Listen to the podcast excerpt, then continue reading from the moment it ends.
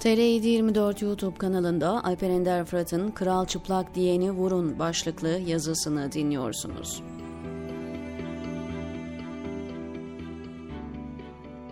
Danimarkalı yazar Christian Andersen'ın bir eseridir ve neredeyse bilmeyen yoktur Kral Çıplak hikayesini. Evvel zaman içinde iki dolandırıcı, terzi kılığında kendini beğenmiş, zekasına hayran krala gelir ve ancak çok zeki ve becerikli insanların görebileceği bir kumaştan, dünyada kimsenin sahip olmadığı bir elbise dikecekleri konusunda onu ikna ederler. Kral ikna olunca sarayda çalışma alanı hazırlanır ve başlarlar çalışmaya. Bu arada da kulaktan kulağa krala nasıl bir elbise dikildiği bütün ülkeye yayılır. Aptalların göremediği bu kumaşı halk merakla beklemektedir. Haftalar sonra nihayet terziler kralın giysisinin bittiğini söyler ve törenle onu giydiriyormuş gibi yaparlar kral olmayan giysilerini giyip tüm şehrin önünde geçit töreninde yürümeye başlar. Törene katılanlar aptal görünmemek için kralın çıplaklığını görmezden gelir. Ta ki bir çocuk kralın üzerinde hiçbir şey olmadığını söyleyene kadar. Çocuk o yaşta politik maskeler takamadığı için bütün saflığıyla gerçeğe giydirilen deli gömleğini yırtıp atar ve bağırır. Kral çıplak, Gerçek birden ortaya çıkar, ortada büyük bir dolandırıcılık vardır ve kral çıplaktır. Hikaye batı toplumları için burada biter. Gerçek ortaya çıkmıştır ve herkes gerçeğin sağından hizaya gelip bu doğrulara göre yeniden şekillenirler. Ama şarkta insanlar böyle yapmaz hiçbir zaman ve hiç kimse gerçeğin sağından hizaya girmez.''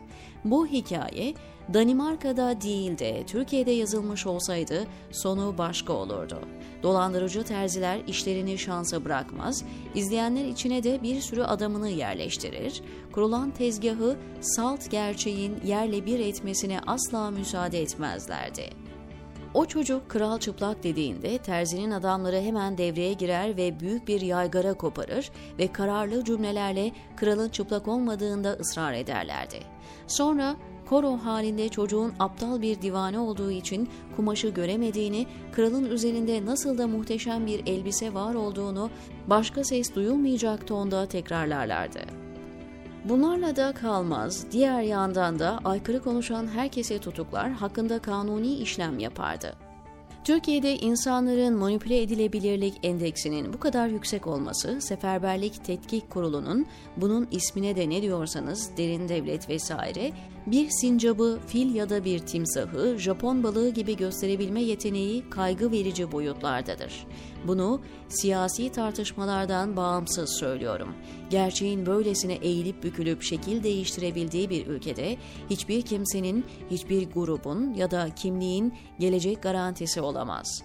Bir ülkenin istihbarat servisi tavuğu kanguru, portakalı soğan olarak kabul ettirebiliyor ve o kanguru değil tavuk diyenler de lince uğruyorsa orada hiç kimse güvende değildir. Sabah gazetesi eski genel yayın yönetmeni Ergun Babahan'ın dediği gibi Türk medyasının %80'inin istihbarata angaja olmasının bu manipülasyonda etkisi büyüktür ancak asıl kaygı verici olan şey toplumun kandırılmaya bu denli teşne olmasıdır.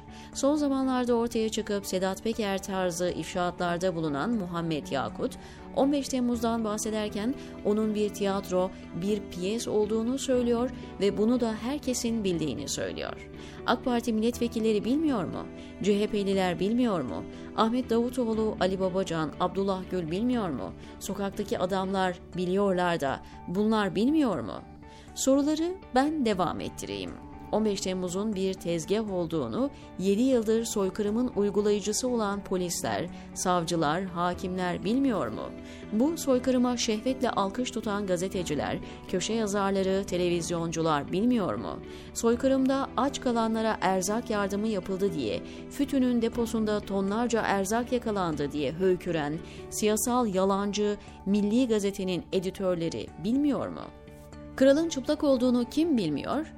Biliyorlar ama Yusuf Kerim'in küçücük bedeni üzerinde alçakça tepinmeye devam ediyorlar. Tıpkı diğer yüz binlerce çocuğun masum ve mazlumun üzerinde tepindikleri gibi diyor Alper Ender Fırat TR724'deki köşesinde.